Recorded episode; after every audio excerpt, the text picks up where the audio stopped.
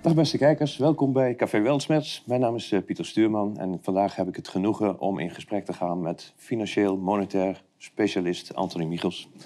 Dag Anthony, Pieter. Welkom. Hi, hi. Ja, we hebben hier al samen eerder gezeten. Dat was al in de oude studio. En eh, ja, we hebben toen gewaagd om een beetje een voorschot te nemen op de nabije toekomst. En daar hebben we behoorlijk wat reacties op, eh, op gekregen. Een aantal van die reacties heb ik hier ook even uitgeprint. Daar kunnen we dadelijk misschien even op ingaan. Maar ehm, ja, zoals het er toen voor stond, ehm, waren we niet heel optimistisch. Jij was ook niet heel optimistisch. Je zegt, Zeker ja, luister, het gaat echt niet goed komen. En je hebt toen een aantal verwachtingen uitgesproken. Nou, we zijn, het was september vorig jaar. We zijn ruim een half jaar verder, zeg maar. Eh, ja, hoe staat het ervoor, eh Anthony? Ja, er waren toen twee grote dingen gaande eh, die, ik, eh, die ik toen eh, te bedden bracht. Hè. Enerzijds was natuurlijk de gascrisis. En dat, dat, dat dat potentieel acuut kon worden. Maar ik heb toen gezegd van...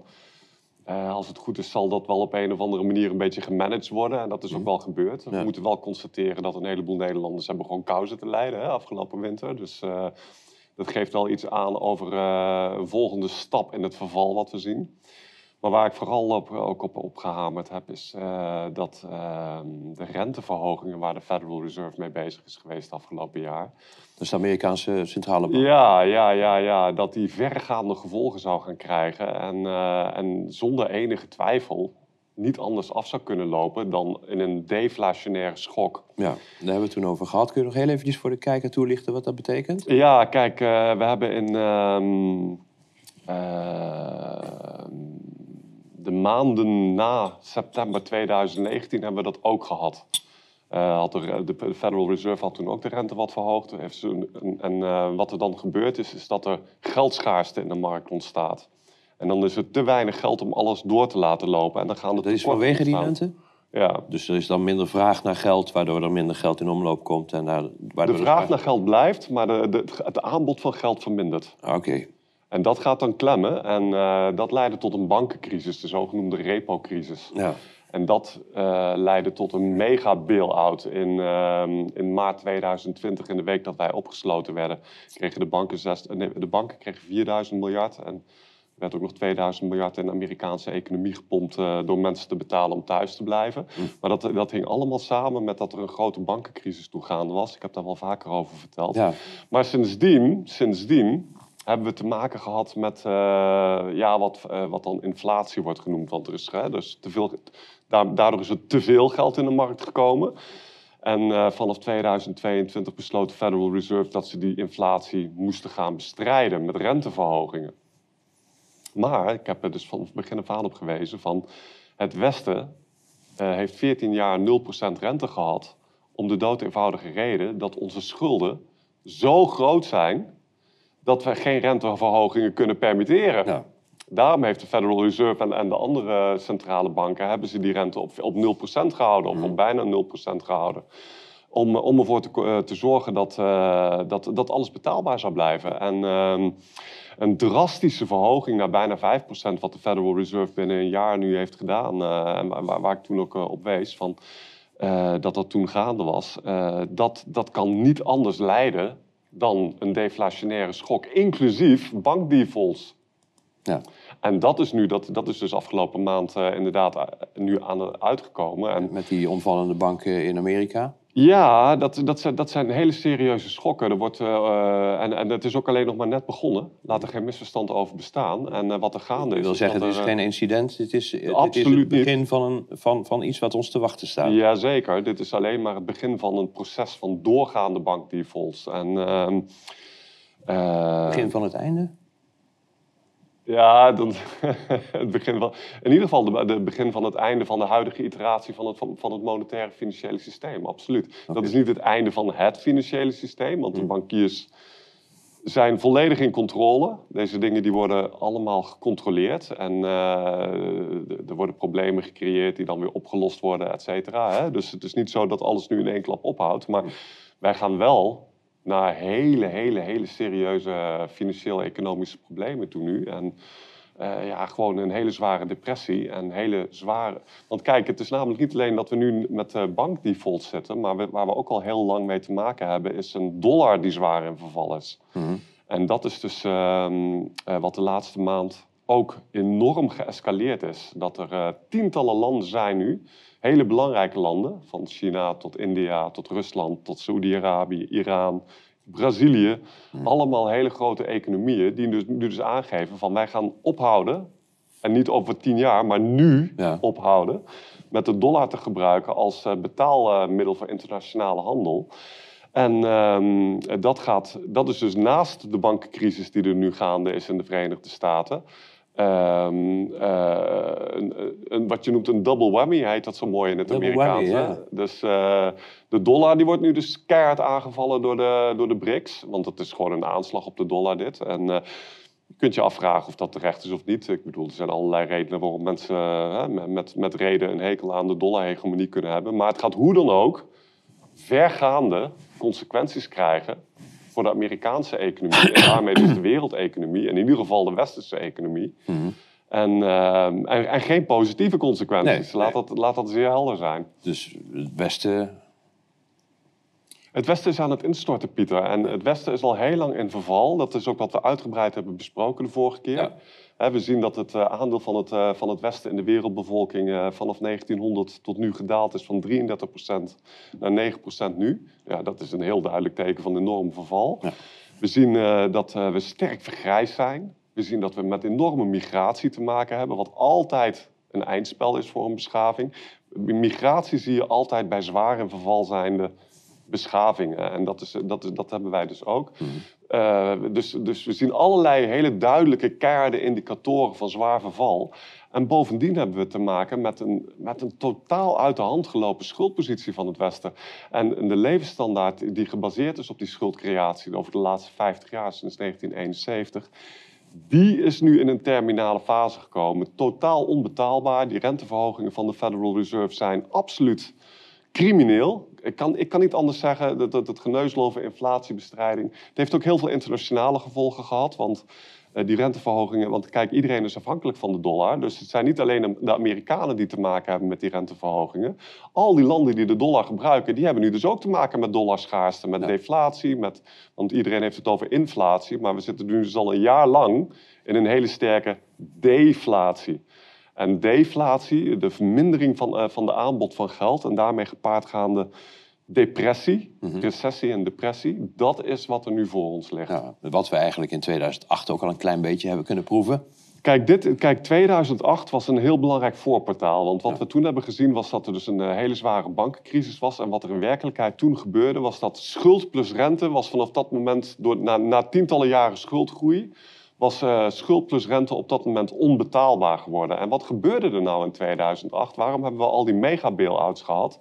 Waarom uh, zijn de banken ermee weggekomen dat ze biljoenen en biljoenen hebben gekregen? Dat is heel eenvoudig, namelijk dat uh, de banken verschaffen ons ons geld. En ehm, dat is een hele zieke en ongezonde situatie die niet zou moeten bestaan, maar het is wel de situatie. En geld hebben we nodig om de economie te laten draaien. Dat is de basisfunctie van geld. Geld is niet bedoeld om wild te speculeren en, geld met geld te verdienen. Mhm. De echte reden waarom geld bestaat is omdat er afgerekend moet worden tussen commerciële partijen voor het, het ruilen van diensten en goederen. Dat is waar we geld voor nodig hebben.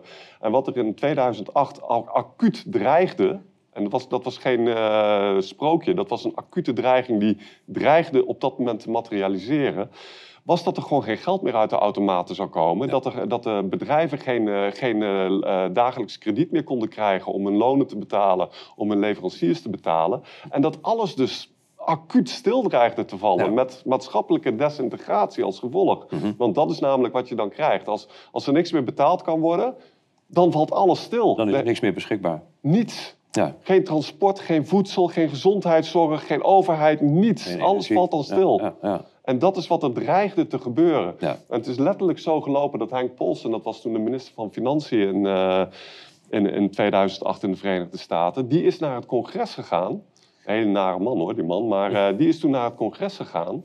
En die heeft gewoon doodleuk tegen ze gezegd, achter gesloten deuren, want het is alleen maar door geroddel en achterklappen naar buiten gekomen later. Maar die heeft gewoon keihard tegen ze gezegd van luister, of we krijgen 700 miljard om die banken te bail-outen, of de economie valt nu stil en heb je binnen een week heb je een gewapende opstand. Hmm. Dat is wat Henk Polsen toen heeft gezegd in 2008 tegen eh, het congres. En dat is ook nu de dreiging die er boven de economie hangt. En deze dreiging is in 2008 voor de eerste keer gemanifesteerd. Ze hebben het dus niet opgelost. Mhm. Maar ze hebben wel, wat ze wel hebben gedaan, de westerse staten en het bankwezen, de laatste 15 jaar, is dat ze al 15 jaar aan het voorbereiden zijn op het feit dat de schuldenbubbel van eindeloze schuldgroei aan zijn einde komt. En dat we nu naar een hele ernstige deflatie gaan. En een, wat ze noemen deleveragen van schulden, het afbouwen van schulden op een geforceerde manier. Ehm, die gepaard zal gaan met immense economische en maatschappelijke destructie.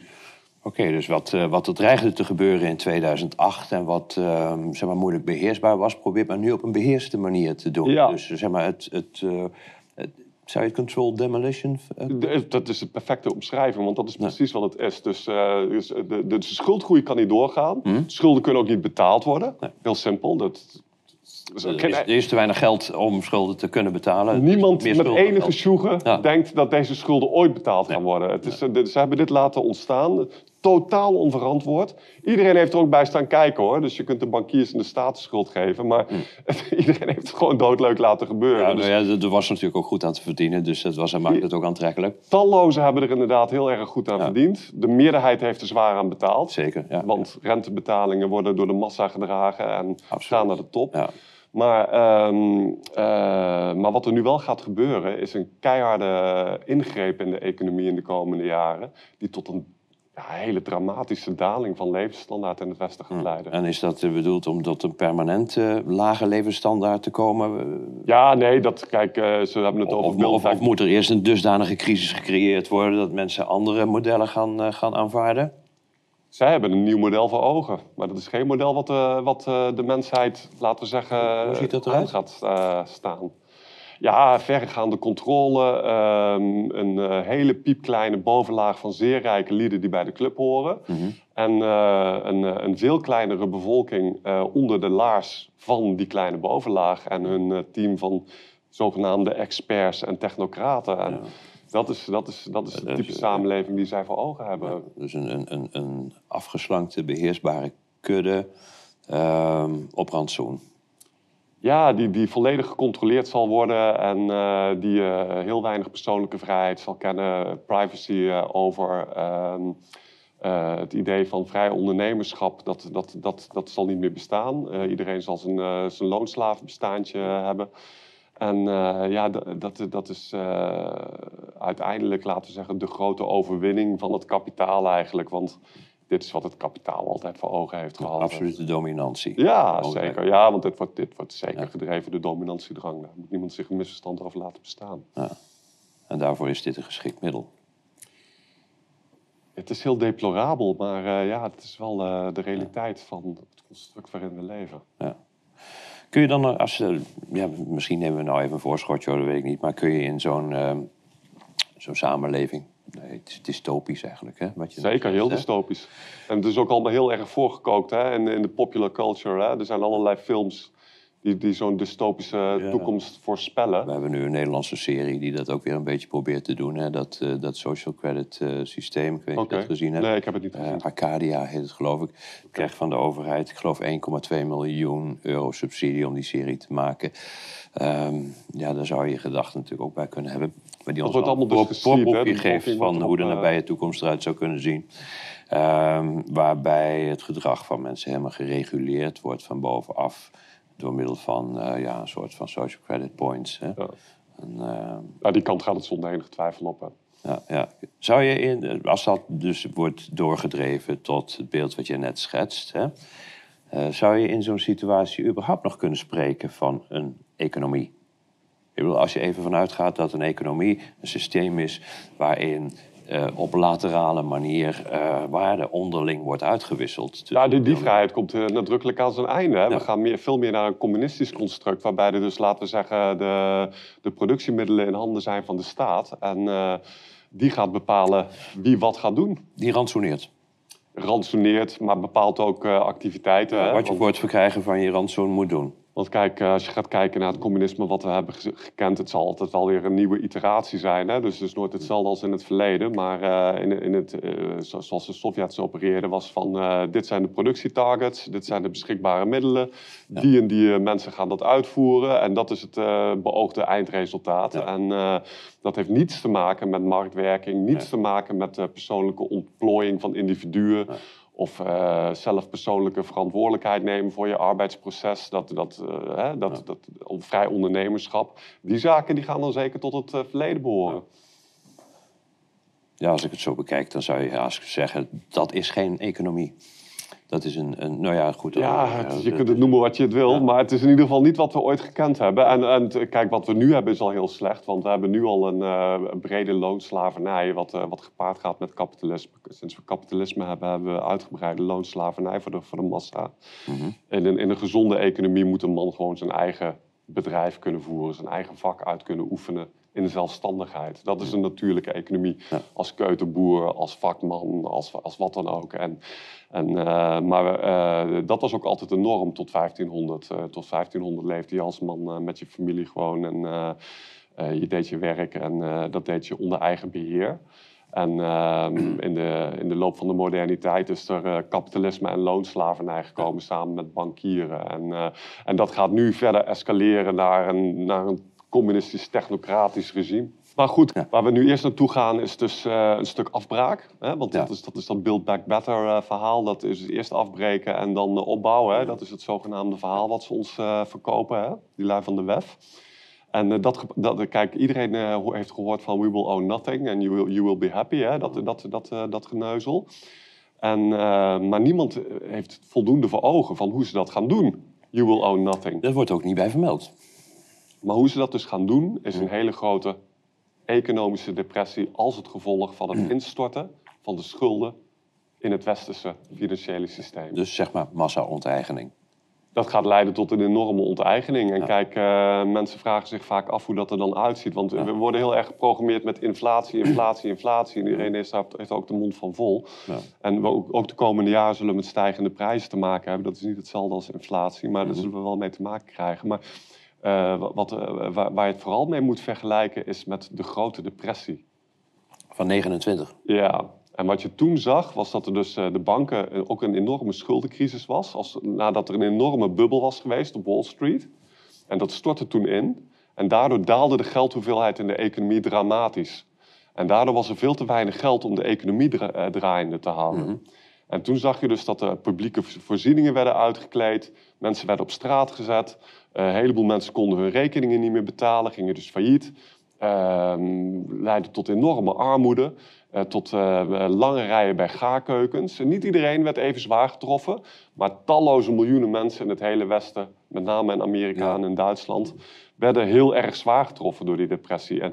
En dat is waar wij naartoe gaan. Dat is het type economie waar we nu voor de komende jaren naartoe gaan. Dat er een hele zware depressie gaat zijn mm. als gevolg van geldtekort in de economie. Dus niet inflatie, ook al zullen sommige prijzen stijgen, maar deflatie. Veel te weinig geld in de economie om alles draaiende te houden. In de, de, de perceptie van de meeste mensen is inflatie het duurder worden van je, van je brood en je groenten bij Albert Heijn en het duurder worden van je gasrekening. Ja. Uh, maar in zo'n deflation, deflatoire ja. Zeg ik dat goed? Ja, zeker. Uh, situatie uh, valt natuurlijk ook de economie voor een belangrijk deel. Dus ook de beschikbaarheid van, van, ja. van goederen. Dus het toenemende schaarste van ja. basale levensbehoeften.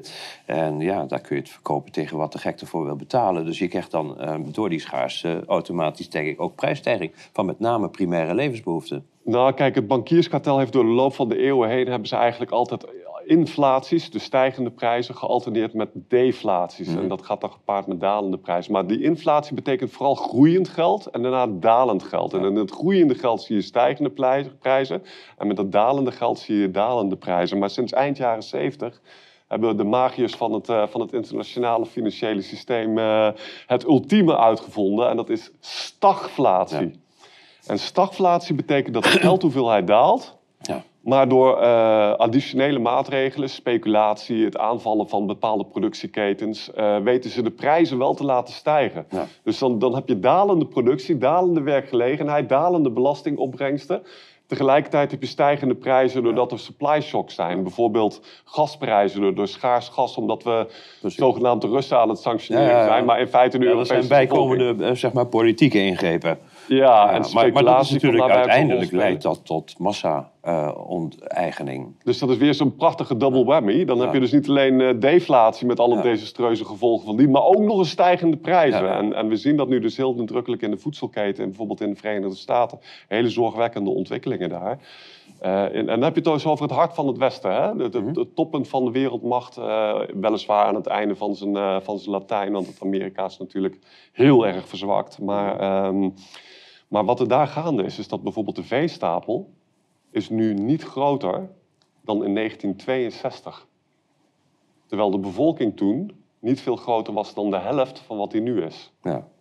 Tegelijkertijd zijn er allerlei oogsten aan het mislukken in de Verenigde Staten. Door droogtes, door, eh, door, ook door openlijke sabotage. Je hebt daar tientallen branden gehad in allerlei belangrijke boerderijen, eh, productievoorzieningen, meatpacking plants, dus vlees- vleesverwerkingsbedrijven. Wordt gewoon openlijk in de hens gestoken. Ja. Bij klaarlichte dag. En de federal, Re- de, de, de, de, hoe noem je dat? De FBI, die is, die is niet bij machten om te zien dat daar misschien een patroon in zou kunnen zitten. Die is veel te druk met het arresteren van eh, eh, insurgents, weet je wel, Ja. in het kader van 6 januari. En natuurlijk Stormy Daniels en Trump. Ja, Hè? Dat, is, dat is waar de... Waar de, waar de, Ja, en, waar en de- dan hebben we ook nog eens te maken met een miljardair die op dit moment met massaal landbouwgrond aan het opkopen is. Ja, onze Bill Gates is daar natuurlijk mee bezig. Dus, dus, en, en, en wat ook een belangrijk eh, aspect van de, van de energiecrisis is, is dat dat hele zware gevolgen heeft gehad voor ehm, eh, stikstof en dus kunstmest. Dat heeft ook zware gevolgen voor de voedselproductie. Dus de voedsel, en- Amerika is de grootste voedselexporteur ter wereld. Hè? Mhm. Dus eh, dat, dat, is, dat is een zeer ernstige zaak. En kijk, eh, dus dat, dat leidt tot een crisis in de vo- voedselaanbod. Dat gaat natuurlijk tot stijgende prijzen leiden. En dat is dus instortende economie, stijgende prijzen. Dat is, dat is wat we nu zien.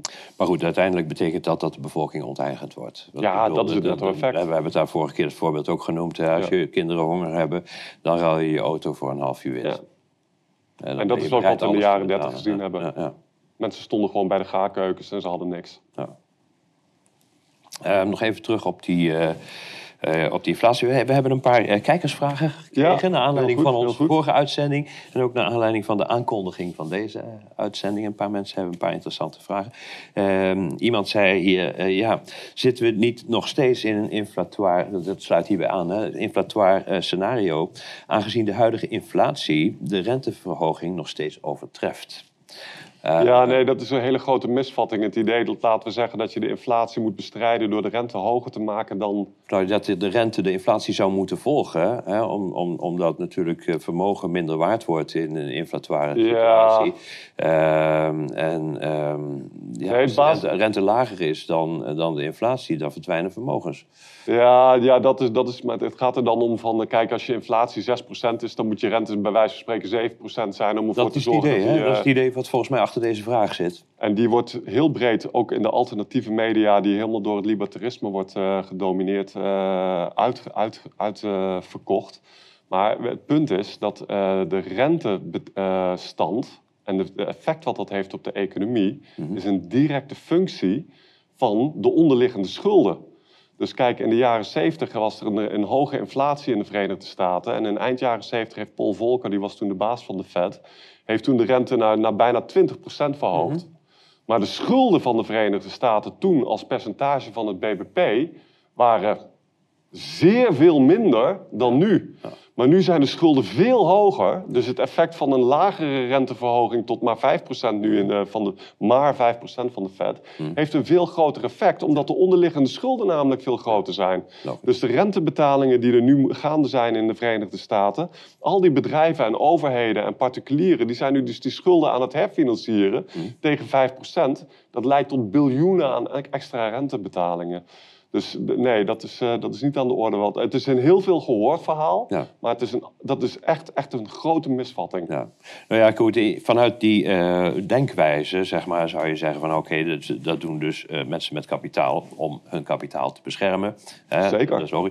Eh, dus die worden daar, zouden daardoor beschermd kunnen, kunnen worden. Maar wel Dat is ten het verhaal. koste van de overgrote bulk van, zeker, van de zeker. mensheid die geen kapitaal heeft. Want het is dus die inflatie is het grote probleem en eh, de, de, de spaarders moeten worden beschermd. Ja, ja, ja. Maar wie zijn de spaarders? Ja, wie zijn de grootste spaarders? Dat- Ik, ik, ik ben niet een van die spaarders, kan ik je Nee, verzekeren, nee, nee, Pieter. nee. Nou, ik word ook liever beschermd door de mogelijkheid om te kunnen blijven eten... dan eh, om die paar duizend euro die op de bank staan. Zeker, zeker. En eh, de, de, de- de- het simpele geval wil, de rijken zijn de spaarders. Ja, nou, het zijn met grote vermogens. En je hebt in Nederland wel wat, eh, wat, wat, ook, ook wat, nog wat middenklasse met wat spaargeld en zo. Mhm. Maar eh, die, die, en die, die, die trekken zich graag op aan de rijken. Dan denken ze van, oh, wij zijn ook spaarders, weet ja, je wel. ja. Maar de realiteit is dat een grote meerderheid van die mensen die ook een beetje spaargeld hebben, veel meer schulden hebben. Mhm. Bijvoorbeeld een hypotheek. Bijvoorbeeld, ja. Ja, dus die... die, eh, En dan hebben we het nog niet gehad over de collectieve schuld. Zoals Ja, schuld zeker, die ook gewoon simpelweg eh, Ja, op zeker. iedereen eh, drukt. En dan heb je het ook nog niet gehad over de bedrijfsschulden die allemaal doorberekend, de rentelasten waarvan die allemaal doorberekend worden aan ons, de consument. Ja. Dus ook die bedrijven die moeten herfinancieren met hogere prijzen als gevolg Ja. daarvan. Ja. Dus nee, voor, de, voor de overgrote massa, en dan praat je echt de 90 tot 99 procent, Dat denk ik ook. die heeft ehm, zwaar last van stijgende rentestanden. Oké.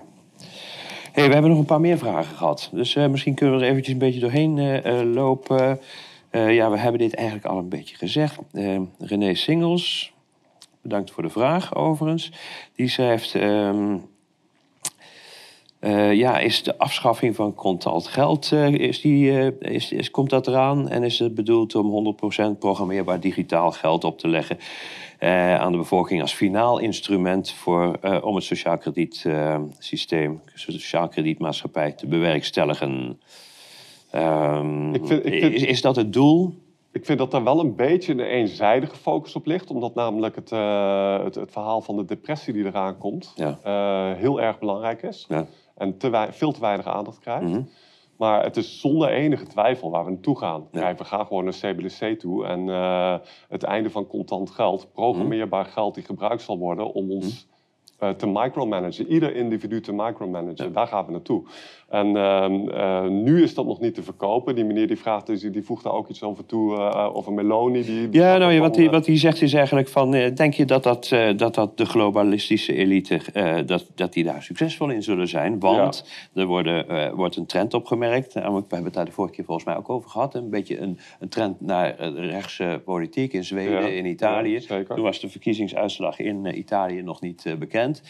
Ja. Maar hij zegt, ja, in Italië wordt bijvoorbeeld nu door premier eh, Meloni... Die daar, de vrouwelijke premier die daar gekozen is... wordt eh, contant betalen gepromoot. Ja. Ehm, ja, eh, Ik, hoe, ik zal hoe je daar belangrijk heel, is dat? Ik zal je heel simpel daarop mijn visie vertellen. Kijk, in deze fase van de strijd kan, eh, kan zo'n mevrouw Meloni zich dat nog enige prima permitteren. Want er zijn namelijk nog commerciële banken en het draait nog allemaal zoals we het gewend Ja. zijn. Dus dan kun je dat gemakkelijk beweren. En, dus, en eh, de Europese Centrale Bank heeft ook eh, een rapport uitgegeven een paar maanden geleden. Waarin ze gewoon doodleuk zeiden van wij krijgen dit niet verkocht, deze CBDC. Met, met, met, met een verhaaltje over van het is allemaal zo gezellig en goed bedoeld en Ja, goed voor de meute, weet je wel. Dan krijgen ze, die, die marketing werkt gewoon niet, punt. Niemand zit daarop te wachten. Iedereen wil gewoon contant houden en... eh, en, en het is ook volkomen duidelijk waarom, want het is een heel slecht verhaal namelijk. Ja. En, ehm, Maar ik denk ook dat degenen die het, willen, die het uiteindelijk willen invoeren... ook best begrijpen dat wij het niet willen. Ja, nee, zeer, zeer zeker, absoluut. En Ja. ze hebben ook helemaal niet de illusie dat, dat ze ons iets goeds komen brengen. Nee, zij, nee, zij, nee. zij weten heel goed wat ze ermee voor over hebben. Maar ze begrijpen ook wel dat wij het niet willen, dat we ons Ja. kunnen verzetten. Dus uh, ja, om het maar eens in maffia-termen uh, te, te stellen... they're gonna make us an offer we cannot refuse. Ja, het, het werkt altijd hetzelfde bij die lives. Hun stratagem is altijd uh, problem, reaction, solution. Ja. Dat weten we allemaal ondertussen. Ja, ja. En hoe gaat dit lopen? We zien nu dat de renteverhoging in de Federal, van de Federal Reserve leidt tot uh, deflationaire schokken en bankdefaults. En dat gaat in de komende jaren heel dominant worden. Er gaan een paar grootbanken gaan er overblijven. Maar de grote meerderheid van de kleinere banken zal gaan verdwijnen in de komende jaren en geconsolideerd worden in, in een paar megabanken en centrale banken en Er zal, er, zal een fusie komen tussen de overgebleven megabanken en de centrale banken. Dus Ja. één, instituut. Misschien voor, voor de bühne nog wel wat Het- verschillende het, gezichten. het is altijd al één conctie geweest, Ja. hè? want de centrale banken zijn een functie van de commerciële banken Ja. en niet van overheden, wat, is een- wat de libertariërs eh, verkopen. Dat is heel erg belangrijk dit. Maar eh, de commerciële banken hebben de centrale banken gesticht en eh, hebben daarmee een heel stuk staatsmacht geusurpeerd. Mhm. En, ehm, eh, maar wat er gaat gebeuren is dat de, die, die, die, wat altijd een kartel was, gaat steeds meer een monopolie worden. Mhm. En ehm, eh, de commerciële banken die gaan voor een groot deel verdwijnen en gaan geconsolideerd worden. En daarmee gaan ze ook dus de controle over het huidige betalingsverkeer verliezen. Want als Ja. jij nu geld overmaakt, als jij met Ideal wat betaalt of jij logt in op je bankapplicatie, dan hebben al die commerciele banken hebben hun eigen tooltjes en hun eigen applicaties, hun eigen appjes. En dat werkt allemaal dan wel samen in, een, in, een, hè, in, een, in het generieke bankbetalingssysteem. Mhm. Maar die gaan die controle daarover verliezen. En bovendien gaan banken eh, gezien worden als onbetrouwbaar om je geld te stellen. Want ze zullen namelijk de komende jaren doorgaan failliet gaan. Dus Ja. daar liggen Ja. mensen dan wakker van. En dan is er dus een probleem. Ja, En dan is er ook een reactie. Hè? Mhm. En dan moet er dus ook een oplossing komen. En die oplossing, dat gaat de CBDC zijn. Ja. En zo gaat het spel gespeeld worden. En gecentraliseerd, gecontroleerd via een... de banken gaan naar de kloten. De centrale banken staan daar als de grote redders met hun CBDC. Mhm. Iedereen die zal daar makkelijk instromen, want, het wordt, want, want dan staat je geld daar, geld daar zogenaamd veilig. Bovendien krijg je misschien te zijn de tijd eh, een basisinkomentje. Weet je wel, want eh, er is naast eh, de grote stok is er ook altijd je- nog een of, bent. een of ander worteltje, weet je wel. Ja.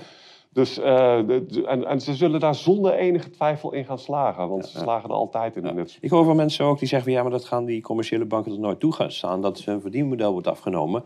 Ehm, ik, vind, ik vind dat een vrij naïeve eh, visie, omdat, ja, kijk, als daar een dusdanige eh, zeggenschap en macht geconcentreerd gaat worden in dat conglomeraat, wat, eh, nou, ik moet zeggen, die, in die samensmelting van de, van de, van de commerciële banken met hun eh, centrale banken, ehm, dan is dat toch alleen maar voordelig voor. Ja, kijk, mensen denken dat er zoiets bestaat als kleine onafhankelijke banken. En de- natuurlijk heb je wel wat kleinere banken die wat onafhankelijker opereren, et cetera. Maar uiteindelijk is het allemaal een piramidaal systeem, Ja. een kartel, wat met ijzeren vuist geregeerd wordt door de top-eigenaren aan de top. Hè. En je moet natuurlijk niet, eh, als ik het over de bankiers heb, dan heb ik het niet over een, eh, een klerk bij, eh, Nee. bij de ABN AMRO. Nee, dan heb ik het over de grote aandeelhouders van het bankierskartel. Die ook groot aandeelhouder zijn van de centrale banken. Is vanzelfsprekend, Ja, zeker. ja. En ehm, Dus die hele eh, zeg maar diversiteit. Hè? We, we zien op de televisie reclame voor ABN AMRO en voor de Rabobank. En je moet bij ons wezen en bij ons wezen. Dat is meer voor de bühne dan eh, hè, voor, voor onze perceptie. Het, is gewoon vast, het staat gewoon vast dat alle grootbanken wereldwijd, de Chinese, Japanse, Europese, Amerikaanse grootbanken, bezitten elkaar. En worden uiteindelijk natuurlijk bezeten door eeuwenoude rijke families. Ja, ja, ja, daar, daar, daar, laat ik me altijd een beetje op, de- op de Precies, vlakte ja, over. Ja. Maar ehm, eh, iets, iets van die zin in ieder geval. Maar er is een kleine groep aandeelhouders die het bankierskartel bezit. En die beslissen wat er gebeurt. En niemand anders. Oké. Hey, en we hadden het net even over overheid. Wat is de rol van overheden hierin? Kijk, ehm, de moderniteit wordt voor een groot deel bepaald door een strijd tussen overheden en het bankierskartel. En eh, vroeger had je veel meer overheidsmacht. Bijvoorbeeld eh, de Russische tsaar. Eh, was een absolute tiran, laat daar geen misverstand over bestaan, die met ijzeren vuist regeerde. Maar ehm, die werd enorm gehaat door het bankenkartel. Ja. Juist, om de, juist om de reden dat hij zo vurig ehm, Ja, ja, Eh, onafhankelijk vroeger was. Met de, met de woekeraars en de, en de, en de kerk. eh, voor, voor de, de- het Vaticaan heeft zich ook heel lang tegen de geldwisselaars verzet. Want rente is gewoon een doodzonde in de christelijke En ogen. terecht is. Ja, en, en, en terecht. Het, het is ook een absolute doodzonde. Dat de, de, de, de, de moderne mens, en al helemaal de postmoderne mens, die vindt het allemaal prachtig. Ja. Die noemt het ook wetenschap. Maar met de economische wetenschap wordt natuurlijk door de bank eh, gerund. Laat daar geen misverstand over bestaan. En rente is een heel groot kwaad. Wat we nooit toe hadden moeten staan. En wat we nodig hebben is rentevrij krediet voor productieve mensen. Zodat er geen geld met geld verdiend kan worden. En alleen maar geld verdiend kan worden met het toevoegen van waarde voor je broeders en zusters. Ja. En dat, dat kun je dan ruilen met een, met een rentevrij betaalmiddel. Dat, dat, is, dat is menswaardige economie. Dit, dit idiote gewoeker van banken is, is, een, is een absolute misdaad tegen de menselijkheid. Wat ze ook hebben gedaan met het opblazen van die schuldenbubbel. En dat nu gaan laten deflateren in de komende jaren. Met, met, met prematuur overlijden, grootschalige verarming voor de massa. Is, is, is een criminaliteit die zijn weerga niet kent. Het is ook evident dat die banken totaal de macht hebben overgenomen bij alle overheden. En dat overheden zoals we die nu zien, hè, alle westerse staten, zitten totaal bij de banken in de zak. En je ziet het ook in het publieke domein nu, ook, ook de media is, is gewoon eigendom van de banken. Mensen staren zich heel erg blind op de overheid. Maar het gaat om het grootkapitaal. Dat is, dat is de, de aandeelhouders. Dus het grootkapitaal, als ik het dan zo goed eh, bekijk, dan eh, gebruikt het grootkapitaal overheden als instrument. om, om te onderdrukken en om de schijn te wekken alsof je er nu, nog wat te stemmen ja, wat je nu bijvoorbeeld ziet, hè, dat eh, zo'n minister Kaag roept van ja, de banken moeten van ons Ja, ja. eh, al die transacties boven de 100 ja. euro. eh, oh, die arme banken moeten dat dan gaan uitvoeren. ja, wat zielig ja, voor en dan ze. zeggen Maar- die banken, ja, wij kunnen er ook niks aan doen, we moeten het van de overheid. Hè? Maar in werkelijkheid hè? willen die banken dat zelf en zeggen tegen de overheid, nou als je het ons nou oplegt, dan hoeven wij de verantwoordelijkheid Dat is niet te het nemen. Dat is hoe het werkt. Hè? Ja, nou, zo doorzichtig is het En, hè? mevrouw Kaag heeft werkelijk helemaal niets te willen. En iedereen snapt wel dat mevrouw Kaag nergens ook maar enige sjoegen van heeft. En gewoon braaf doet wat de ambtenaren en indirect daarmee de Ja, aandeelhouders je ziet tegenwoordig op alle portefeuilles ministers zitten die geen inhoudelijke Het kennis is hebben van die portefeuille. Ik bedoel, Het is- Het is pervers om te zien. ja, het is ongelooflijk. Het is, het ja, is echt verschrikkelijk. Ik noem dat een obscurocratie. Dat is een, het wordt niet geregeerd door de mensen eh, waarvan de bevolking denkt dat ze regeren, maar door, door lieden achter de schermen. Ja. Het zijn pure buikspreekpoppen. Helder. Hey, eh, even kijken, wat hebben we nog meer voor vragen? We willen niemand tekort doen. Ehm, ja, bij wie zitten die? eh, Wie zijn de? eh, eh, Maarten van Horen die vraagt. ehm, waar, bij wie zitten de niet of nauwelijks renderende staatsobligaties? Oftewel, ja, wie zijn eigenlijk de schuldeisers van de staat? Kijk, eh, in principe zijn de grote schuldeisers van de staat de banken. Ja, Maar er zijn ook allerlei andere v- vermogensbeheerders en beleggers zeg maar, die investeren in staatsschulden. Maar de grote, de grote crediteuren van de staten zijn de banken. ja. Heel simpel. De banken voorzien eh, de staten van financieren. Ja, en eh, een heleboel banken die willen dat niet meer, omdat de schulden al, al, heel, al veel lang, heel lang veel te groot zijn. Ja. En dan wordt het gefinancierd door centrale banken. Ja. Maar dat, eh, dat, dat is uiteindelijk een functie van hetzelfde bankierskartel. Dus, eh, Maar dat is waar de grote... kun, je, kun je dat toelichten wat het verschil is tussen een commerciële bank die bijvoorbeeld staatsobligaties koopt en een centrale bank die dat doet? En wa- waarom, is daar, eh, waarom is dat een verschil van belang? Ehm, er- er, zijn, ja, er zijn eigenlijk twee. Kijk, de oude, de, het oude contract tussen centrale banken en, en overheden is altijd geweest van dat de centrale bank belooft dat hij altijd voldoende geld ter beschikking aan de staat zal stellen. Ja. Dus, eh, want ja, dat, ze creëren dat geld gewoon. Hè? Dus, Dus, dat, dat ja, is de geen probleem munter, kan dat makkelijk eh, beloven. En in ruil daarvoor hebben de centrale banken opgeëist dat ze de controle over het geldsysteem hebben. En die controle die wordt, eh, die gebruiken ze dan om ervoor te zorgen dat het bankaire systeem kan doen wat het wil. Hè? Dat het zijn marktmacht kan concentreren. Eh, het, het financiële stelsel is ook heel erg intrinsiek en stabiel. Hè? Doordat het gedreven wordt door wilde speculatie, absurde hebzucht, eh, booms en busts en noem het allemaal maar op. Dus dat moet gestabiliseerd worden. En dat is de functie van centrale banken historisch altijd geweest. Ja. Eh, de, er is ook een heel groot en belangrijk verschil in de geldcreatie tussen centrale banken en commerciële banken. Namelijk dat als een, als een commerciële bank geld creëert door het uit te lenen, want alles wat, wat een bank uitleent, creëert die op dat moment. Maar een commerciële bank is dan gedwongen om eh, de, de hoeveelheid geld die die uitleent ook weer eh, van de kapitaalmarkt te betrekken. En, de- en dat heeft een neutraliserend effect op het inflatoren aspect van de geldcreatie. Ja, dat is zo'n stabiliserende werking. Dat heeft een stabiliserende werking. En eh, wa- waardoor er dus, want, want anders zou je laten zeggen, als je gaat kijken naar de geldcreatie die er is geweest, dan zou je je af moeten vragen van hoe kan dat? Waarom is er geen, geen hyperinflatie geweest al die jaren? Ja. En dat komt dus hierdoor. Ja. En, eh, maar centrale banken, die creëren echt daadwerkelijk netto geld zonder dat te steriliseren. Oké, dus Doordat- kunt het naar wens maken. En naar maar eigen wens. Maar dat heeft dus ook een inflator effect heel sterk. Maar, en, maar dat is niet altijd per se slecht, want Ehm, er is namelijk een intrinsieke, en dat is, dat is een beetje een ingewikkeld verhaal dit. Maar Kijk of we het helder kunnen maken voor een leek als, eh, als ik. Want er is namelijk ook een intrinsieke deflatoren driver in het financiële systeem. Het, het geld moet met tussen de 6 en 8 procent per jaar groeien. En die schuld van ons is nu ondertussen zo groot dat het moeilijk is om die 6 tot 8 procent groei te behalen. Dan is, en zeker met hoge rente, want die is dan niet meer betaalbaar. Inderdaad. Dus stagneert dan. Inderdaad. En dan kan die centrale bank dus geld toevoegen om ervoor te zorgen dat, dat we niet in een deflationaire situatie terechtkomen met alle negatieve gevolgen daarvan. Dus eh, dat, dat is waarom bijvoorbeeld de Federal Reserve eh, en, en de ECB regelmatig eh, staatsschuld opkopen om, om op die manier kwantitatief te verruimen. Dus nieuw geld in de markt te brengen om ervoor te zorgen dat... En met, met staatsschuld opkomen, het is natuurlijk iets wat je heel vaak hoort. Maar ik hoor van heel veel mensen ook dat ze niet begrijpen precies wat daarmee bedoeld wordt. Ja.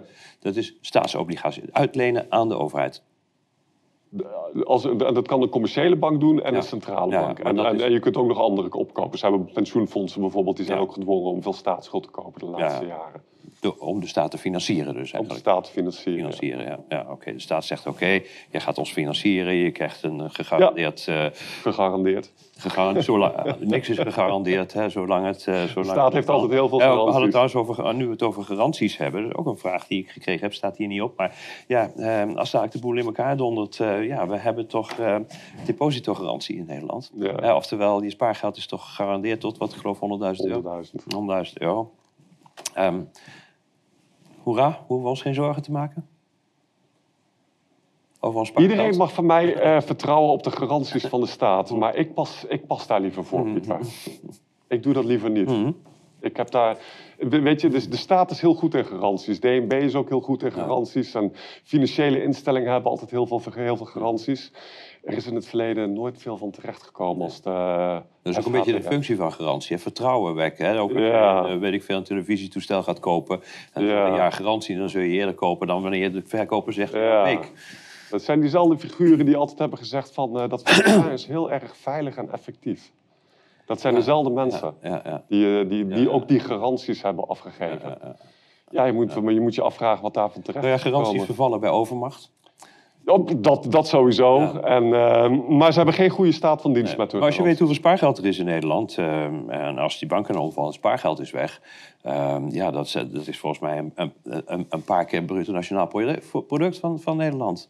Het gaat om vele honderden miljarden. En, ehm, en dan heb je het nog niet gehad over wat er in de pensioenpotten zit. Er zit ook nog iets van anderhalf biljoen in en dergelijke. Dus er is best wel behoorlijk wat eh, vermogen. Maar je geld staat gewoon niet veilig op de bank. Alles wat boven de 100.000 is, is sowieso niet veilig. Want daar, daar is, Maar daar goed, is gewoon geen... eh, weinig mensen zich eh, zorgen over te maken, denk ik. De meeste mensen niet, Deze maar je hebt nog wat boomers en, eh, en, een en de 1% zeg maar, die, die, die kan zich daar druk over maken. Eh, maar sowieso, kijk, je moet, het gaat niet alleen om of je geld veilig is op de bank. Dat is het niet. Nee. Maar je moet je ook afvragen of je eigenlijk wel zaken wil doen met zulke predatoren bedrijven. Ja. Die als beesten tekeer gaan met Hm. Heb, eh, heb, je, heb, schuldslavernij. heb je andere mogelijkheden? Ja, je zult zeggen, ja, Florijn.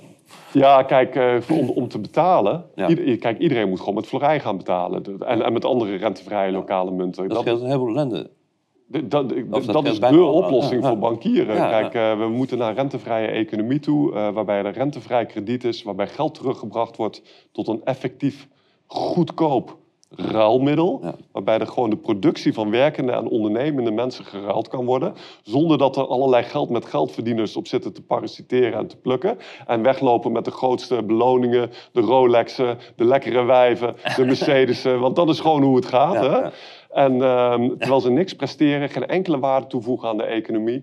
En ondertussen wel een grote bek ook nog eens een keertje erbij opzetten. Als je dat allemaal door wil laten gaan, dan moet je met bankgeld blijven betalen. En als je graag wil dat er een menswaardige economie is, die gebaseerd is op eh, dat, dat mensen die waarde toevoegen, dat die ook wat overhouden.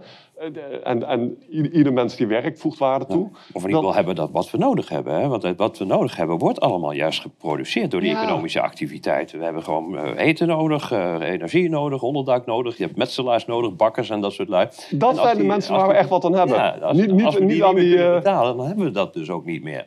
oh, dat ook. Ja, want kijk, als die, als die, die parasitaire klasse waar we het over hebben, alles in de zak steekt. En die hebben geen enkele interesse in eh, ons lot. Nee. Want de liefde voor Nou, geld, dat eh, zit er heel ze in. het niet zo ver laten komen natuurlijk. Ja, ja, nee, zeker. Oké, nou even kijken, wat hebben we hier nog meer? Maar, Eh, eh, dat, dat- maar dat is de betaalmiddelfunctie. Want dat is dus Ja. even heel belangrijk om even goed te, goed te benoemen. Ja, Kijk, dit geld is bedoeld om te betalen. En dat is ook waarom geld bestaat. Dat, dat sparen en dat, het speculeren met geld, dat is dus niet waar het voor bestaat. Maar er zijn natuurlijk toch wel meer dan voldoende Nederlanders die, eh, die zich toch zorgen maken over dat ze bijvoorbeeld, weet ik veel, toch een bedragje hebben. Eh, dus dat is ook allemaal hartstikke prima. Daar wil ik me niet eh, negatief over uitlaten. Maar als je dat hebt, haal het van de bank af, koop er, eh, koop er wat zilver voor, is mijn advies. ja. want daar kun je misschien nog iets mee dan. In de eerste plaats staat het dan niet op de bank, dus iemand kan het van je roven. Ja. Ja. je moet het natuurlijk wel even netjes opbergen. Hè. Dat kan ook nog een dingetje zijn, maar dan moet je hem dan maar even uitzoeken. Daar zijn Ja, antwoorden maar je op. zegt zilver beter dan goud? Ja, want ik maak me al jaren zorgen over confiscatie van goud door de overheden. Want ook, zal ook niet de eerste keer zijn. Hè? Dat is Inderdaad. ook gebeurd in de jaren twintig. is een heel duidelijk precedent voor, heel ernstig precedent. Ja. En de westerse staten gaan zonder twijfel goud tekort komen. Want we gaan naar een goudstandaard toe.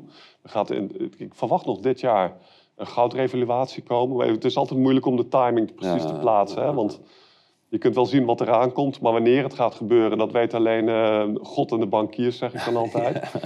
En, eh, maar, ehm, eh, maar die goudrevaluatie die gaat er komen. En wat bedoel je daar precies mee? Dat, we, kijk, over de laatste 50 jaar, om de dollar te kunnen laten functioneren als wereldreservemunt, Mhm. hebben ze de goudprijs kunstmatig moeten drukken. Om allerlei redenen. Mhm. Maar waar we nu, wat we nu zien, is dat dus die, die, de opstand tegen de dollar gaande is vanuit de BRICS-landen.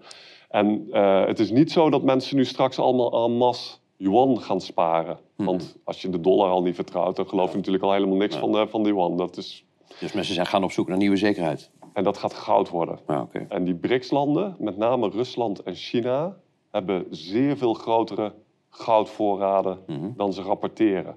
En zij gaan straks een bom eh, plaatsen onder de, een, onder de petrodollar. En dat is nu echt heel erg aanstaande. Eh, waarbij ze gaan zeggen van we hebben veel meer goud dan we ooit hebben gerapporteerd. En wij gaan eh, een, een BRICS-munt lanceren die op goud gebaseerd gaat zijn. En dan zitten we niet meer met die rotzooi van jullie, met die petrodollar, eh, terwijl we, waar we mee gesanctioneerd worden en wat jullie kunnen inflateren en deflateren. Dan hebben we goud. En dat zal ook als geloofwaardig worden. Dat is niet verstandig van mensen om dat als geloofwaardig Mhm. te zien, maar dat zullen ze wel doen. En daarmee zal die BRICS-munt eh, een enorme impact gaan krijgen. Ik hoor van veel Ja. mensen ook uit, eh, laten we zeggen, de alternatieve hoek. Ja, we moeten terug naar die goudstandaard. En waarom moeten we dat niet? Eh, k- Kijk, goud, dat je goud wil sparen, dat is nog één ding. Ja, En, en zilver, goud en zilver. Hè? Maar dat je dat wil sparen is één ding. Maar wat je absoluut. dorst, zeg maar. Ja, maar wat je absoluut niet moet doen, is er een geldsysteem op baseren. Want juist omdat iedereen het graag wil sparen, Mhm. is het een uitermate belabberd betaalmiddel. per definitie deflatoire. Per definitie, dat is precies wat je zegt, per definitie deflatoire. En eh, bankiers, en dit, is, dit is echt bankieren one-on-one dit. Bankiers gebruiken het zogenaamde fiat-geld, wat de libertariërs fiat-geld noemen, noemen ze, gebruiken ze om te inflateren. Mhm. En ze gebruiken goudstandaarden om te deflateren. En iedereen, en het is absurd en belachelijk dat in de zogenaamde alternatieve media goud breed gepropageerd wordt als de zogenaamde oplossing voor bankieren. Eh, terwijl iedereen op zijn vingers kan natellen dat alle goudstandaarden gedurende de moderniteit door exact dezelfde centrale banken, de Nederlandse Bank, de Bank of England, de Federal Reserve, werden gerund als nu het fiat-systeem. Ja. Dus het idee dat, bank, dat, dat bankiers bang zijn voor goud, Mhm. is een absolute godspe. Het enige wat een goudstandaard gaat doen, is een einde maken aan het huidige fiat-systeem. Ja. Maar dat betekent dat ze er nu dus klaar zijn met inflateren en nu gaan ze deflateren. Dus goud als betaalmiddel is absolute trash. Maar gezien het feit dat de banken wel die kant op gaan bewegen, is het toch goed om een beetje edel, als je, als je spaargeld hebt, om dat dan maar eh, in edelmetaal te Ja, steken. dan liever zilver, omdat dat minder eh, zeg maar, in de belangstelling staat van de bankiers. Ja. Kijk, eh, zilver is het geld voor de boeren en goud is het geld voor de adel. En voor de Engelsen is het ook. Hè? Pond sterling, toch? ja, ja, ja, maar dat is, dat is ook zilver, hè? Pound zilver, ja. Maar goed, en, de, de, de kans op confiscatie zie ik als reëel. Dus Ja. Oké. Eh, nou, dan hebben we eigenlijk al een paar vragen. Want die vraagt iemand, ja, wat kun je doen met sparen? Nou, dat hebben we nou gehad. Is het slim om je huis te verkopen eh, in verband met de overwaarde die straks in box 3 terechtkomt? Dat is ook schandalig, hè? Dat dadelijk eh, een- iemand die in de jaren 60 een huis gekocht heeft voor, laten we zeggen, 30.000 gulden. En dat een lang cash heeft afge... En, en nu eh, een pensioentje heeft met een, een, een huis van, dat 5 ton waard is. En daar eh, ieder jaar 10.000 euro voor moet gaan aftikken. Het is, het is Ik om bedoel- furieus van te worden, Pieter. Ja. Als je het over onteigening wil hebben. Ja, over onteigening. Maar zelfs en verder dan dan moet je 6%, onteigening. en dan moet je 6% vermogensbelasting op gaan betalen. Ja, precies. Maar je moet je voorstellen, je hebt een huis met een overwaarde van 5 ton. Het is echt omdat je 20 jaar geleden je, je hypotheek hebt afgelost. En dan zit je nou hier, bent, weet ik veel, 75. Je leeft van een klein pensioentje. En dan 6% van 5 ton. Dus 30.000 euro per, per jaar mag je dan gaan aftikken. En weet je wat ook nog, die, die Klaas Knot van de Nederlandse Bank, Ja. die, zat, die zat te vertellen van dat is goed voor de, gelijkwa- eh, voor de, voor de vermogensongelijkheid te bestrijden. Tweederde van Nederland woont in een koophuis. Ja. En, en dus iedereen moet gaan huren, volgens meneer Klaas Knot. Dat is wat hij daarmee zegt. Iedereen moet verlaagd worden tot het niveau van de dat je, huurders. dat je huis onder water staat. Dat je meer hypotheek eh, eh, hebt dan, eh, dan Ja. je huis waard is. Maar het, is een abs het, is, het, is, het, het geeft aan hoe vilijn en vijandig de staat is en het hele belastingstelsel is. ja. En, en, en in wat voor eindfase we ook zitten van eh, dit zogenaamde leuke Nederland, eh, waar alles zo goed geregeld was. Tof land. Eh, hè? tof land, ja, gaaf land, ja. Gaaf land, dat was het. Ja. ja. Even kijken, nog een paar. mm, mm, mm. Nou. Eh, ja. En ik zal je nog een leuk verhaal Ja. vertellen over die Klaas Knot. Want eh, ja. een- enkele maanden geleden namelijk zat hij te vertellen eh, bij BNR Televisie.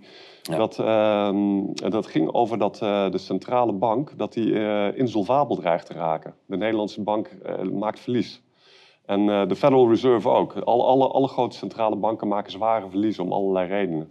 Ja. En, ehm, is dat niet, niet inherent aan de centrale bank? Ik bedoel, Nou, ze hebben toch geen verdienmodel, feitelijk? Eh, nee, centrale, centrale banken hebben over de laatste decennia eigenlijk altijd ehm, verdiend. En eh, die verdiensten ook weer teruggestort in de staatskas. Dat is een beetje hoe het gelopen is. Hmm. Maar de laatste jaar, door die renteverhogingen, dus, het heeft allemaal weer monetaire implicaties, die zal ik jullie nu even besparen. Maar zijn banken, eh, centrale banken allemaal verliezen gaan maken en zijn ze, dreigen ze ook echt insolvabel te worden. Hmm. Dus dat betekent dat ze te weinig vermogen hebben om nog te kunnen blijven eh, functioneren. Mhm. En Klaas Knot die, zei, die zat toen te vertellen van eh, ja, wij maken ons daar geen zorgen over. Want we hebben namelijk een apart lijstje, eh, een aparte balans. waarin we rekening, rekening houden met de komende goudrevaluatie. Hij zei dat niet helemaal letterlijk zo, maar hij, maar, maar hij- Hij speculeerde dat. Daarop. en dat was meer een speculatie, dat hij, hij weet gewoon wat eraan komt, Ja. punt. En eh, dus zij hebben een lijstje waarbij ze de Nederlandse balans officieel rapporteren. Maar ook nog eentje, de, eh, schaduwboekhouding ernaast van... oh, als goud zoveel waard wordt, dan is onze balans weer zoveel en dan zit het weer goed. Hmm. En, en hij gaat ervan uit dat dat gaat gebeuren. Ja, dat moet dan wel, want anders zou hij zich wel zorgen maken. En, en, en, weet je, voor mensen die dat dus allemaal een beetje bijhouden, die weten ook dat de BIS, de Bank of International Settlements, Mhm. hun plan is al jaren om de balansen van de centrale banken te repareren met een goudrevaluatie. Want al die centrale banken hebben goud. En als dat dan duurder wordt, dat goud, dan kunnen die centrale banken de komende jaren nog even vooruit. En Klaas Knot weet dat dit gaat gebeuren. Tegelijkertijd zegt de Nederlandse bank tegen de Nederlandse pensioenfondsen: jullie mogen niet in goud beleggen. Want dat is namelijk zogenaamd riskant Mhm. en speculatief. Mhm. Ehm, terwijl de goudprijzen de laatste decennia eh, gecorrigeerd voor inflatie allemaal hetzelfde zijn gebleven en een hele degelijke belegging zijn al heel lang, al heel lang. En, ehm, Alweer. dus, dus dat is een waanzinnig verhaal van Klaas Knot. En hij zit dus op tv zit hij zich te verlekkeren over de goudrevaluatie die eraan komt. Mhm. Ondertussen gaan we naar een komende goudstandaard toe, een nieuwe soort van goudstandaard. Mhm. We gaan toe naar een drastische daling van papieren waarde. Waar de pensioenpotten helemaal vol mee zijn vol. Of dat nou overheidsschulden zijn of waardeloze aandelen. Mhm. Maar ze mogen niet beleggen in goud volgens de Nederlandse bank. Die, die zelf hun eigen goudvoorraden Ja. graag wil zien revalueren de komende Dus eigenlijk jaren. zeggen jullie worden verplicht om hoge risico's te nemen waarvan wij al weten wat de afloop is, namelijk het verdwijnen van al het pensioenkapitaal. Dit is gewoon keihard gaande. Ja, en dat is dan Het is een enorm dat schandaal. er nu eh, een nieuw pensioenstelsel wordt opgetuigd waarbij het risico, beleggingsrisico, volledig bij de inlegger terechtkomt. Ja, En dus dan kun je eigenlijk al op je, op je vingers natellen dat dat betekent dat je Ja. alles kwijt bent dan. ja. Zeker als je geen invloed hebt op, Ja, eh, op hoe dat belegd dan gaat worden. Dus ja. Dus En als, dan ook eh, nog eh, de Nederlandse bank zegt van... ja, je mag niet in goud beleggen. Het enige wat nog een beetje veilig zou zijn... Ja. dan weet je hoe laat het is. Ja, Ja. zeker. Hey, we hebben ook nog een, een poll op de website gezet. Namelijk met de vraag... bestaat er in de toekomst nog geld? We hebben het daar de vorige keer eigenlijk ook over gehad. Hè? Eh, ja, het is ook bijna half-half. 58% zegt ja, eh, 41% zegt nee. Ik denk dat het ook een beetje afhankelijk is van eh, ja, wat je geld noemt. Ik bedoel, geld als, als, eh, als lateraal ruilmiddel tussen mensen die waarde eh, leveren. De timmerman en de, de, de bakker en nou ja, wie dan ook. eh, die met elkaar eh, eh, waarde willen verruilen. Of eh, ja, is het iets waarvoor je een, een, eh, een brood of een fles melk kunt krijgen in de supermarkt? Dus Ja, is jij noemt dat dan een, eh, een distributiesysteem. distributie Of of een, rantsoen. of een rans- ransoneringssysteem. En dat is, dat is een heel treffende term. En dat is Is inderdaad... dat dan geld? Hè? Het, het wordt ons zal wel verkocht worden als geld. Zo we zeggen, ja, dit is het nieuwe geld. Weet je wel, je hebt je CDBC, dit, dat mag je in die afdeling van Albert Heijn besteden. En deze mag je besteden aan je energieleverancier. En deze mag je mee met de trein. Eh, zoiets dergelijks, weet je wel. Maar, Als je kun je- CO2-budgetje erbij... Een en zo. BSC-2-budgetjes erbij inderdaad, als je braaf bent. En wie, nou goed. Maar ehm, eh, ja, kun je dat nog geld noemen? Ja, dat... dat, dat, Ja, je kunt alles alles noemen natuurlijk. Maar ik bedoel, is, het- is het dan nog, ehm, sluit het dan nog aan bij de definitie van geld? Geldt het dan nog als geld? Ja, ik, ik ben er geen fan van natuurlijk. Hè? Nee, dat, nee. dat zul je begrijpen. Ja. En ehm, eh, het is zeker de kant die het opgaat. En eh, vanuit het systeem dan. En ik zie dat systeem niet heel lang bestaan hoor. Want eh, kijk, wat, ze voor ogen hebben is een duizendjarig rijk.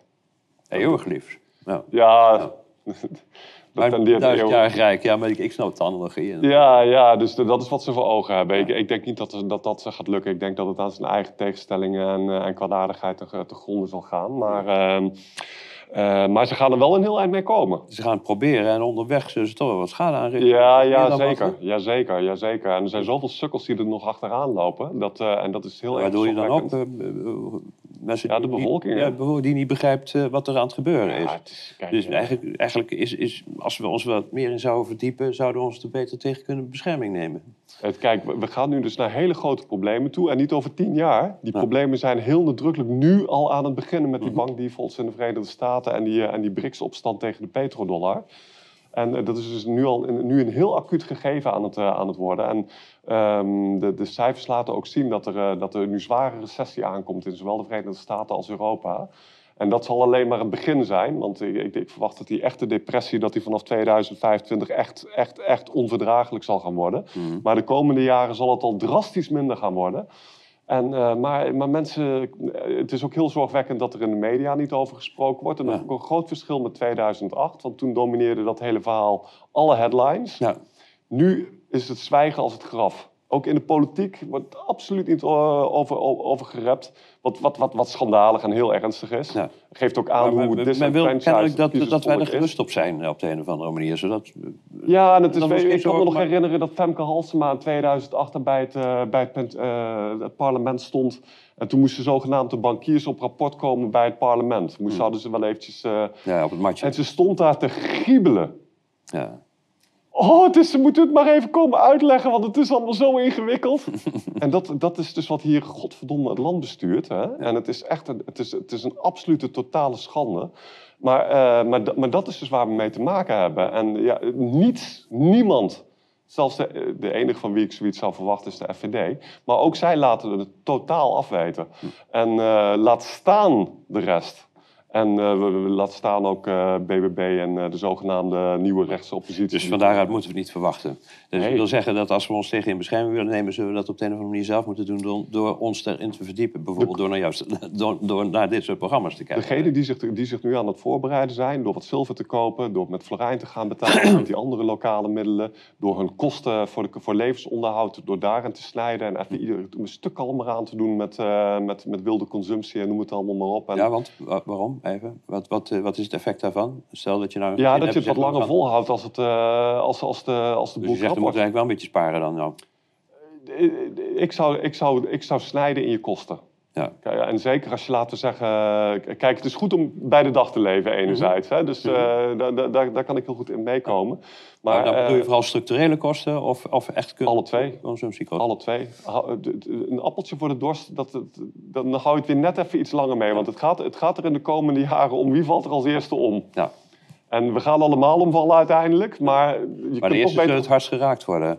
En wie zich een beetje heeft voorbereid, Ja. die heeft een stuk betere kans om het een beetje En fatsoenlijk door te komen. eh, dan, gewoon eh, wat blikken, blikken Ja, dokkertjes in, de, in, de, in de kelder? We hebben ook gezien hoe dus fragiel de, voedsel, de energievoorziening is. Hè? Dus, Dus de voedselvoorziening? en, en dus ook de voedselvoorziening, jazeker. Want voedsel gaat gewoon echt schaarser worden. En, maar energie ook. Als je, denk, denk erover na hoe jij je huis gaat verwarmen de komende jaren. Op een beetje betaalbare manier. De, de mensen die daarmee bezig zijn... En, en, en niemand kan zich volledig voorbereiden, want niemand kan zien wat voor vloedgolf er op ons afkomt. En het gaat echt vrij, vrij eh, historisch worden. Want dat is ook wel goed om even te benadrukken. Wat er nu op ons af gaat komen, hebben we nog nooit meegemaakt. Nee. Ook niet in de crisis van 29. Ook niet in de crisis van 9. Dit, dit gaat nog even een, een volgend leveltje bereiken. Ik, ik denk veel meer aan wat er in de Sovjet-Unie is gebeurd. Na 89. Dat is wat ik nu op het Westen af zie komen. Zo'n soort crisis. En, ehm, en, en degene die zich daar een beetje op voorbereiden, spiritueel om te beginnen, maar daarnaast ook fysiek. Hè? Dus eh, hoe zorg je ervoor dat je je voedsel, je energie, je geld, je, je, je, je, je productie, hoe je dat geregeld hebt die mensen die daarmee bezig zijn, die hebben een veel betere kans om het een beetje fatsoenlijk... En natuurlijk elkaar, hè? Want, want je relaties, dat is heel erg belangrijk. Ehm, ehm, die, die hebben een veel betere kans dan degene die oblivious hierop aflopen. En die zullen, vertrouwen meegaan. eh, die zullen totaal geschokt worden door wat er gebeurt. Ja. Ze, zullen, ze zullen niet weten wat ze zullen moeten doen. Eh, als ze dan nog naar oplossingen moeten gaan kijken, zullen- dan zullen ze ook een heleboel mensen zullen het simpelweg niet kunnen bevatten. nou, zeker niet in een panieksituatie. Ja. Dan is het toch moeilijk om bij je verstand te komen. We hebben al gezien wat een schok de lockdown was. Ja. Nou, wat er nu op ons afkomt, gaat nog even naar een volgend leveltje toe. Ja, dat is misschien niet zo heel erg leuk om hiermee af te sluiten, Anthony. Eh, Nee, maar het is wel realistisch. Het is wel realistisch. Zie jij op een langere termijn eh, lichtpunten? Eh, ja, kijk wat ik al zei. Hè. Ik bedoel, ze zullen dus heel ver komen met hun duizendjarig rijk. Maar uiteindelijk zullen ze, zal, zal dat toch... Ja, ik hoop niet dat het duizend jaar gaat duren. Nee, en ik geloof er ook niet in. Nee. Want? Het, is, eh, het is tegen natuurlijk, het is... Eh, ja, dat, dat allemaal. Ik heb, hm. ik heb toch wel... Kijk, ik ben niet optimistisch over eh, de, de, de, de, de, de, de spirituele staat van zijn van de massa, zeg maar. Maar hm. ik kan me toch ook niet voorstellen dat, dat, dat ze hiermee weg gaan komen. Dat, ze dat iedereen zich zo naar de slagbank laat leiden. Nee, nee. En ik denk dat dat toch... Uh... Je verwacht nog wel een soort van wake-up moment in de massa's een heleboel mensen die zullen eh, het gewoon af laten weten. En, en, en, en, kijk, wat, wat, wat gebeurt er als je meedoet met het systeem? We hebben het gezien met de lockdown. Je eindigt met die vijf spuiten in je arm. Ja. En, en dat gaat dus de, de les zijn voor de komende jaren, keer op keer. Iedere keer als je denkt dat je veiligheid gaat zoeken bij de overheid... dan eindig je dus met het equivalent van die vijf spuiten, spuiten Ja. in je arm. Je, we moeten dus gaan beseffen dat de overheid eh, eh, geen veiligheid biedt, maar een bedreiging vormt. En we moeten het zoeken bij elkaar. We moeten daarbij eh, discernment, eh, onderscheidend vermogen Mhm. hebben van wie kunnen we vertrouwen, op wie kunnen we bouwen. Mhm. En met die mensen moeten we zaken doen. En niet alleen zaken, want ik zeg dat klinkt een beetje zakelijk. Ja. Uiteindelijk gaat het ook over een stuk broederschap en Ja. gewoon, gewoon op basis van menselijkheid samenwerken.